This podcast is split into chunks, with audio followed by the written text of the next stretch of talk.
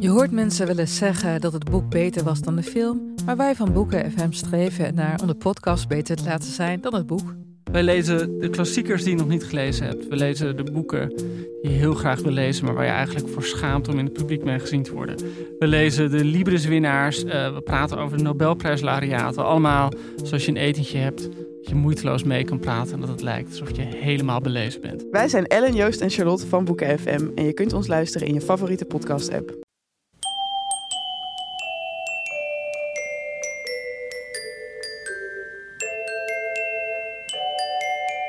Welkom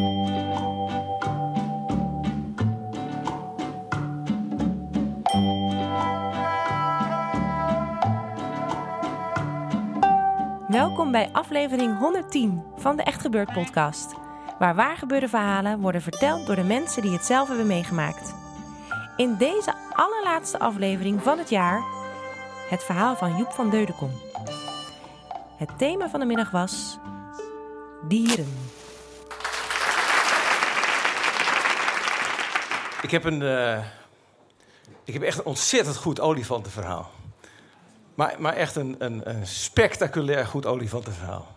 En ik weet niet of jullie het misschien eh, zelf ook wel eens hebben... dat je iets meemaakt en dat wordt dan een verhaal.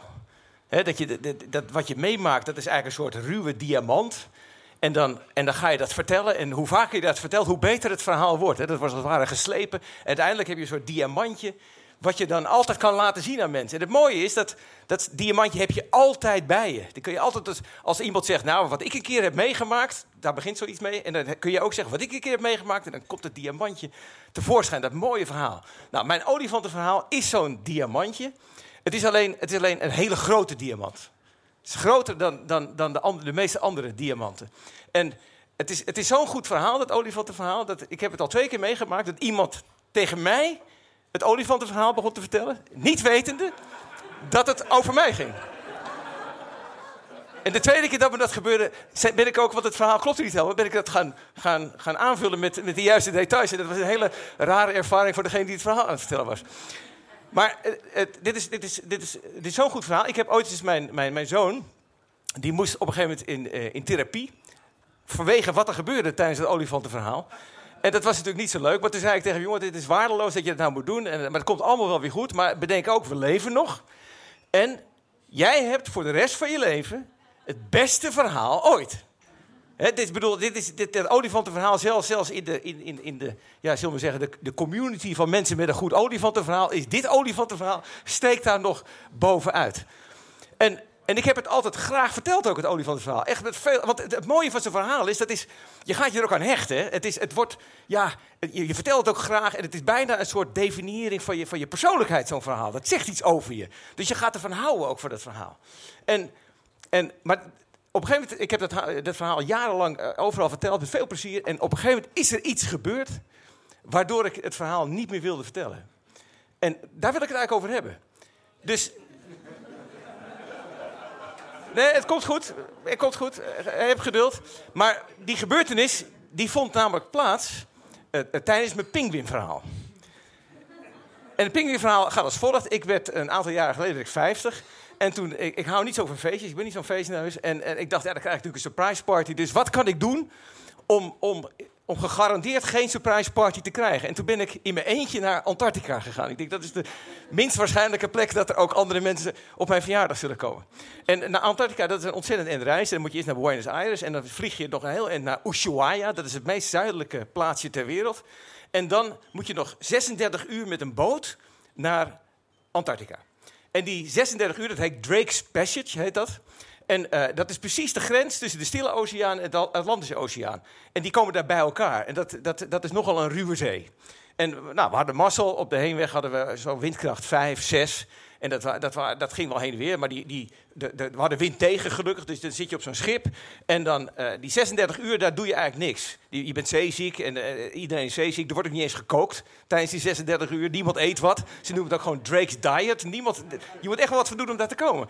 En, maar we hadden geluk dat die, dat die wind tegen was. Want die, die, die bedden lagen zo in de lengte van het schip. Dus je gaat zo heen en weer. Dus als je je een beetje vasthield, dan, dan kon je er wel blijven liggen. Meer kon je eigenlijk niet doen. Maar na 36 uur kom je aan op Antarctica. En dat is echt een belevenis. op Antarctica, het was, het was net zo'n beetje zons. De zon kwam op en dan kom je Antarctica. En op Antarctica zijn, daar, daar heb je vier dingen. Je hebt daar, je hebt daar pinguïns, je hebt zeeleeuwen, ijsbergen en walvissen. En, maar met name zie je gelijk heel veel pinguïns. En pinguïns zijn fantastische beesten. Pinguïns zijn de leukste beesten om naar te kijken.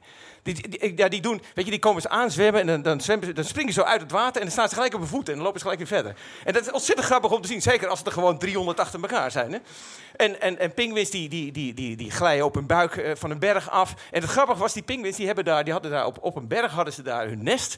En dan gingen ze naar het water toe, maar dat paadje dat was gewoon helemaal uitgesleten. Dat was een soort, ja, dat was een soort, soort, soort, soort loopgraaf geworden.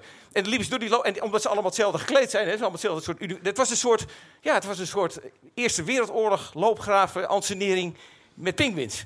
En eh, ontzettend, je kunt een uur en foto, eh, een foto nemen van een pinguïn lukt altijd. Foto's, pinguïns zijn de meest fotogenieke dieren die er bestaan. Elke foto van een, van een pinguïn is leuk.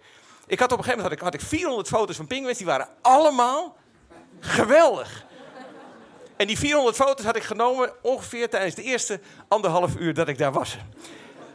En wat je daar ook ziet, is uh, ijsbergen. En de, de eerste ijsberg die je in je leven ziet, dat is een belevenis. Dat is, je, je weet eigenlijk niet, gewoon niet wat je ziet. Het is een soort drijvende kathedraal die er langs komt. En die, die drijft er heel langzaam langs. En, en het is een serene stilte. Het is, het bizarre vormen. Je weet gewoon niet wat je... Het is ongelooflijk. Je eerste ijsberg is ongelooflijk. Je tweede ijsberg is ook leuk. Maar ik moet eerlijk zeggen, er, treedt vrij snel een soort ijsberginflatie treedt erop. Het wordt snel wat minder. Dan heb je nog de zeeleeuwen. En zeeleeuwen zijn leuk, de eerste vijf minuten eigenlijk. En het is eigenlijk gewoon een soort bonk vet wat er op een ijsschos ligt. Er is niet veel aan te zien. En de walvissen, ja, daar wordt al heel, heel groot over gedaan. Maar walvissen, die zie je eigenlijk niet. Je bent eigenlijk de hele tijd aan het speuren naar walvissen. En dan, dan zie je even een heel klein fonteintje boven het water. En dan weet je, er komt er een. Dan zie je zo'n rug net boven het water uitkomen. En dan hoop je dat er een staart is. En, en dan is hij alweer weg. Ik heb, ik heb ook een paar honderd foto's van, van, van eigenlijk gewoon van een stuk water. Waarvan ik weet, ik weet dat er een walvis net naar beneden is gegaan. En ik zat zo te denken. En, en, en eigenlijk was het zo dat na anderhalf, twee uur. had ik het wel een beetje gezien. Want daarna komt er niks nieuws meer. Het is pinguïns. Maar je blijft foto's nemen. Uiteindelijk had ik gewoon een paar duizend foto's van, van, van. Maar je gaat ook een beetje vervelen. En uh, eigenlijk zou er een soort tour moeten zijn. Hè, Antarctica in anderhalf uur. Dan heb je een geweldige anderhalf uur. Maar ik was daar zes dagen. En, en, en, ijsbergen, pinguïns en, en weer, weet je, had je weer een andere pinguïn. Maar ja, het, weet je, pinguïn is een pinguïn. Op een gegeven moment heb je het echt wel gezien. Maar ik was daar met een man of zestig op die boot. En die mensen die hadden, eh, ik heb vrij veel gereisd ook in mijn leven en, en, en, en, en zij ook. Ze, hadden vrij veel gereisd. En Antarctica was toch een beetje ja, het, weet je, het sluitstuk van je reiservaringen. En dan ga je niet na een dag zeggen van ja, ik heb het eigenlijk wel gezien. Dat doe je. Trouwens, het is ook ontzettend reis om er te komen. Het is ontzettend duur ook om er te komen. Dus dan ga je niet zeggen na een dag, ja, ik heb het eigenlijk wel gezien. Maar we hadden het eigenlijk allemaal wel gezien. Dus die, zes, ja, die dagen, en er is ook niks verder. Het is niet een cafeetje of iets leuks, er is gewoon niks verder. En, en, en na, na, na, na die zes dagen gingen we weer terug op de boot. En weer 36 uur dragspesjes. En toen hadden we iets minder geluk, toen was het windkracht 9. En, en, en uh, golven van 7, 8 meter hoog. En dat, dat is echt wel hoog. En we hadden een beetje de pech dat de, de golven dus niet, niet zo in die richting, maar die golven waren in die richting. Dus, uh, uh, en voor de rest kon je eigenlijk niks. Je, je, je, had een soort kantine waar je zat, maar daar kon je niet zitten, want die stoelen die gingen gewoon alle kanten op. Die stonden met kettingen vast, maar je kon, helemaal niet blijven zitten. Het enige wat, ging je weer op je bed liggen. Nou, je moest je met twee handen vasthouden. En dan, maar je ging zo heen en weer, dat, dat, je hield het gewoon niet vol. Dus het enige, de enige plek eigenlijk waar, waar, waar, je, waar je kon vertoeven, dat was in het gangpad naast de hutte. Dat was een gangpad van anderhalve meter breed. Dan ging je met je voeten tegen de muur aan, zette je schrap, met je rug tegen de andere muur. En zo zit je helemaal schrap. 36 uur lang in het donker zaten we daar met, de hele, met, met al die mensen zaten daar. Dus dat was het moment om elkaar verhalen te vertellen. Dus ik denk, ja, dit is het moment van mijn olifantenverhaal. Mijn olifantenverhaal, dat, dat, dat moet je even zien. Uh, de, de, context is, ik ben met mijn, mijn, vrouw en mijn kinderen van 7 en 9... Uh, zijn we met een camping door Zuid-Afrika aan het reizen. En wat wij al hadden meegemaakt die vakantie was dat... mijn zoon had al een, een schop gehad van een, van een paard. Wat heel raar was. Met, net tegen zijn hoofd aan. was net goed afgelopen. Mijn vrouw had een baviaan in de camper gehad.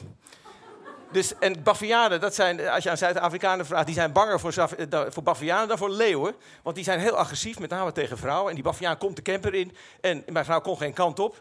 Dus nou ja, dat is een levensgevaarlijke situatie. Toen heeft de baviaan één fout gemaakt. Die heeft namelijk haar toilettas gepakt van de tafel. En toen werd zij zo verschrikkelijk boos... dat die baviaan gewoon gevlucht is. En we hebben ons later gerealiseerd, dat heeft waarschijnlijk gewoon haar leven gered. Dat, is echt, dat was echt een hele benauwde situatie. We hebben rondgereden met de camper eh, in een bosbrand. Stond, aan beide kanten stond het vu- vuur anderhalve meter hoog, de vlammen zo in de berm.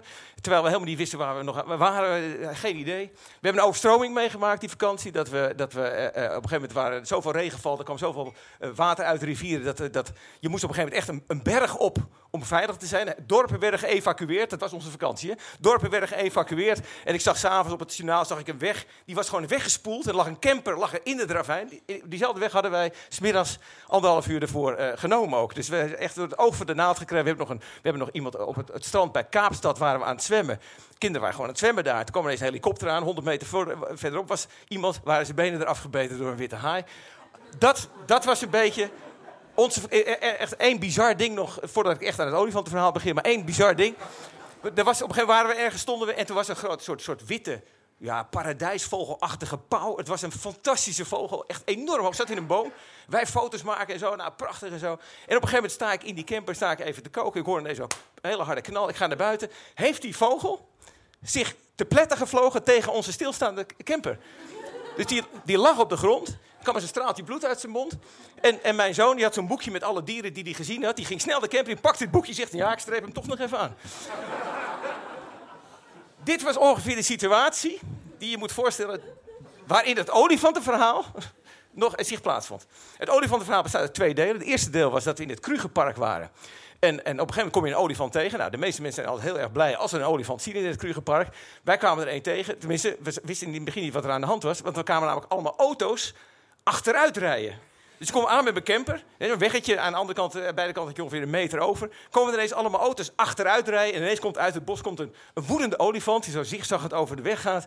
En iedereen moest achteruit. Ik moest ineens, ik denk ik wel 4, 5 kilometer met mijn camper achteruit moest rijden. En dat is vrij lastig. En, zeker als je zo'n olifant voor je ziet. Dat was de ene dag. En toen dachten we, nou, dat is wel iets meegemaakt, zeg. Maar doen door op de volgende dag. Wat er gebeurde, is... Wij zijn het Krugerpark en we gaan op een gegeven moment van de weg af. Zo'n klein eh, zandpaadje was dat. En eh, eh, om, want bij de rivier stonden een paar olifanten. En er waren ook een paar kleintjes waren erbij. Dus wij zetten die camper daar neer, raampje open, filmen. Nou, het was fantastisch. Weet je, drie, vier, vijf olifanten, een paar kleintjes erbij. En op een gegeven moment, ik kijk nog eens een beetje zo. Ik denk, nou, wacht, er zijn er iets meer olifanten. Het zijn soms 10, 12. Oh, op een gegeven moment kijk ik rechts van me.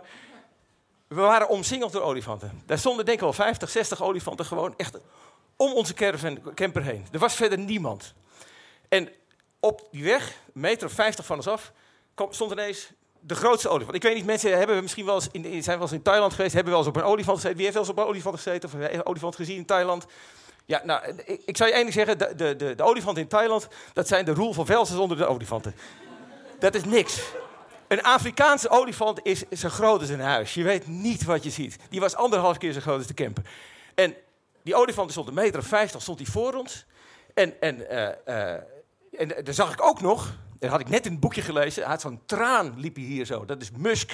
En als hij een traan heeft, dan wil hij heel erg graag neuken. Maar hij mag niet altijd neuken. En daar wordt hij ontzettend agressief van. Dus er stond daar, ik wist dus, dat is een hele boze olifant. Dus ik zeg tegen mijn vrouw, wij moeten hier weg. Maar het was een meter of dertig naar achteren tot, tot het asfalt weg. Dus ik denk, weet je wat? Ik kan nou goed achteruit rijden. Ik ga achteruit rijden.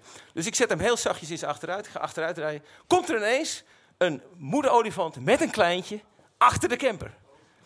Dus ineens bedacht ik, wat ziet die olifant daar? Die olifant daar, die ziet dat ik met mijn camper op een moeder en een kleintje afga. En die olifant, die komt zo naderbij en die gaat voor onze camper staan. Echt een anderhalve meter voor de camper. En dat is echt een huis hè, wat er voor je staat. Die grote oren. En hij stond met zijn kop te zwaaien. Hij stond te toeteren. Hij stond de grond met zijn voeten stond hij weg te graven. Het was de hel echt. Het was de hel. En, en wat er wonderlijk wat er gebeurde is, mijn, mijn, mijn twee zoons... Die, die, die, stond, die zaten ineens zo half zo achter me, naast me. Die zaten, zaten met gevouwen handjes. Laat ons leven, laat ons leven. Ze zijn helemaal niet gelovig opgevoed. Waar dit vandaan kwam, dat je bijna denkt van, nou, er bestaat toch een God dat je dat automatisch doet. Maar ze, begonnen echt, en het was, het was verschrikkelijk. En ja, je, je bent totaal verstijfd. Je weet niet wat je, wat je moet doen. En op een gegeven moment stapt die olifant, die stapt opzij. Het leek een beetje alsof hij een beetje verveeld was. En, eh, hij stapt opzij en mijn vrouw die zegt, gas geven, gas geven nu. Dus ik geef gas en baf! Ik sta in één keer sta ik stil. Ik dacht, ik ben tegen een boom aangereden. Ik kon, ik, het was echt een knal, echt een keiharde knal. En mijn, vrouw zegt, gas, gas, ge- geef gas. Ik zeg, je staat tegen een boom. Nee, die olifant. Wat bleek? De olifant was vanaf de zijkant, was hij, met zijn twee grote slagtanden, was hij gewoon zo dwars door die camper heen gegaan. Mijn zoon zat voor het raam, hè. Die kreeg zo die twee slagtanden zo door die camper heen. Die had het glas in zijn haar zitten, echt van het raam was kapot. Het was verschrikkelijk. En toen, maar ik gaf gas en ik kon wegrijden. Ik, ik scheurde weg. Maar ik moest er nog een, hele bocht moest ik terugmaken. En toen kwam die olifant, die kwam met volle snelheid nog een keer op ons af. Toen konden wij net... kon- en ik zag hier nog in de, in, in, in de hoek zag ik nog een andere auto staan met mensen met hele grote ogen. En, en, en ik, ik reis en ik ga net, net voorbij die olifant, rij ik weg. En ik heb twintig minuten lang vol gas. En je hebt daar van die, van die washboard, washboard roads, heb je dat? Van die, van, die, van, die, van die trillende wegen zijn dat. Twintig minuten lang vol gas. Merkwaardig genoeg was ik al aan het bellen met de camperverhuurder. Terwijl ik aan het rijden was ding. Om, dat te vertellen. Wat een hele rare reactie was dat. Maar op een gegeven moment werden wij ingehaald door die andere auto. Dus op een gegeven moment raakte ik kwam een beetje tot mezelf. Raampjes open en zo. En, en zij vertelde, ze hadden gezien dat die olifant. die had die camper gewoon opgetild aan de achterkant. Dus wij waren toen ineens, ik zag in hun ogen, zij waren gewoon groen. Ik zag ineens in hun ogen, want ik was alleen maar bezig met overleven. Maar ik zag in hun ogen, zag ik eigenlijk wat er gebeurd was net. En toen pas, nou, ik, ik ben natuurlijk helemaal kapot ervan en eh, in paniek, weet ik veel wat. En toen kwamen we uiteindelijk bij, bij, de, bij de receptie van het Krugerpark. En toen zeiden we, ja, we zijn aangevallen door een olifant. En die zeiden, oh, eh, elephant attack at the, at the river. Die maakte een aantekening, oké, next customer. Interesseert ze helemaal niks. Heel bizar. En de, nou, die, die, die camper was totaal los. En, en, en ja, we hadden gewoon wel dood kunnen zijn. Ik zit in dit gangetje. En ik heb dit verhaal verteld. Op deze manier. Het is even stil. Er zegt die meneer naast me. Die zegt... eh, ja, die kutolifanten, jongen. Waardeloos. Ik heb eh, zes jaar in de Congo gewoond. Elke week kwam er wel eens een olifant aan. En dan stond hij weer op je auto. Dan stond hij weer op je fiets. Dan ging de moestuin helemaal naar de kloten. Wij gaven onze kinderen altijd gewoon een gun mee. En als er een olifant was, dan moesten ze schieten, want dan draaide hij zich om. Andere buurman, die zegt... Maar die, die, weet, toen je met die olifant stond, je hebt, er wel, je hebt er wel je motor uitgedaan. Ik zeg, maar motor uitgedaan? Nee, natuurlijk niet. Ja, je moet je motor uitdoen. En andere mensen ook knikken. Ja, bij een olifant moet je je motor uitdoen. Want hij wordt namelijk van die motor wordt die, wordt die agressief. Dus dan, dat ziet hij als een, als een levend ding. Als je hem uitdoet, dan, is het, dan denkt hij het is een dood ding. Dat maakt niet uit, dan gaat hij weg. Dus blijk, en iedereen wist het blijkbaar. De volgende, de volgende begint met een verhaal dat hij, eh, dat hij ontvoerd was in Jemen. En dat hij, dat hij op een gegeven moment zijn aan lot overgelaten. Zes dagen door de woestijn zonder water moeten lopen. Net overleefd. Er was een andere man die had bij de ambassade gezeten bij Nigeria. Die stond op een gegeven moment naast de auto van de vicepremier. Die opgeblazen werd. Hij stond gelukkig in een bushalte. Waardoor er geen rondvliegende lichaamsdelen tegen hem aankwamen. Er was een oud RAF-piloot die mee was, die vertelde die twee keer was neergeschoten. Met zijn vliegtuig boven Kuwait in de Eerste Golfoorlog. Die ging vertellen hoe het is om met een schiet- schietstoel eruit te gaan. Ik was werkelijk een loser. Mijn olifant, die hebben zich daar niets van herinnerd. Die zijn dat totaal vergeten. En wat ik me toen realiseerde, wat ik me toen realiseerde, en daarom wil ik het eigenlijk niet meer vertellen, het olifantenverhaal. Want wat er eigenlijk aan de hand is, is dat, kijk, jullie en de mensen om mij heen, mijn vrienden en bekenden, die hebben allemaal zo'n diamantje bij zich, die ze wel eens willen hebben laten zien. En wat ik dan doe, is dat ik laat ze rustig uitpraten en ik val ze compleet weg met mijn olifantenverhaal. Want dat is in, bij die, al die verhaaltjes veel beter. En ik, heb, ik kom er dus, want ik voelde me echt, echt waardeloos. Namelijk, ik, ik was trots op mijn olifantenverhaal en ineens was ik een loser. Dus wat ik dus al die jaren gedaan heb, is bij al mijn vrienden en kennissen eigenlijk al hun prachtige herinneringen heb ik eigenlijk gewoon kapot gemaakt. En dus daarom, maar ik dacht, hier, hier mag ik het weer eens vertellen. Dus dank jullie wel voor de aandacht.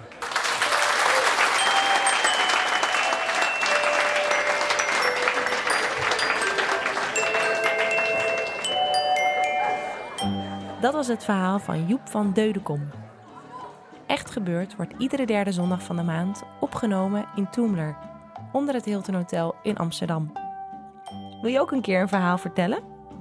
Of wil je een keer een middag bijwonen? Ga dan naar www.echtgebeurd.net. Je kunt je daar ook opgeven voor de nieuwsbrief. De Echt Gebeurd podcast wordt mede mogelijk gemaakt door Comedy Train, Bunker Theaterzaken, het Mediafonds en Woord.nl. De redactie van Echt Gebeurd bestaat uit Eva Maria Staal, Micha Wertheim, Paulien Cornelissen en ikzelf, Rosa van Toledo. De techniek is in handen van Nicolaas Vrijman. De komende Echt Gebeurd is in het nieuwe jaar. Zondag 17 januari. Het thema van de middag is In het heetst van de strijd. Dit was aflevering 110 van de Echt Gebeurd podcast. Bedankt voor het luisteren en vergeet niet... Yay! Gelukkig nieuwjaar!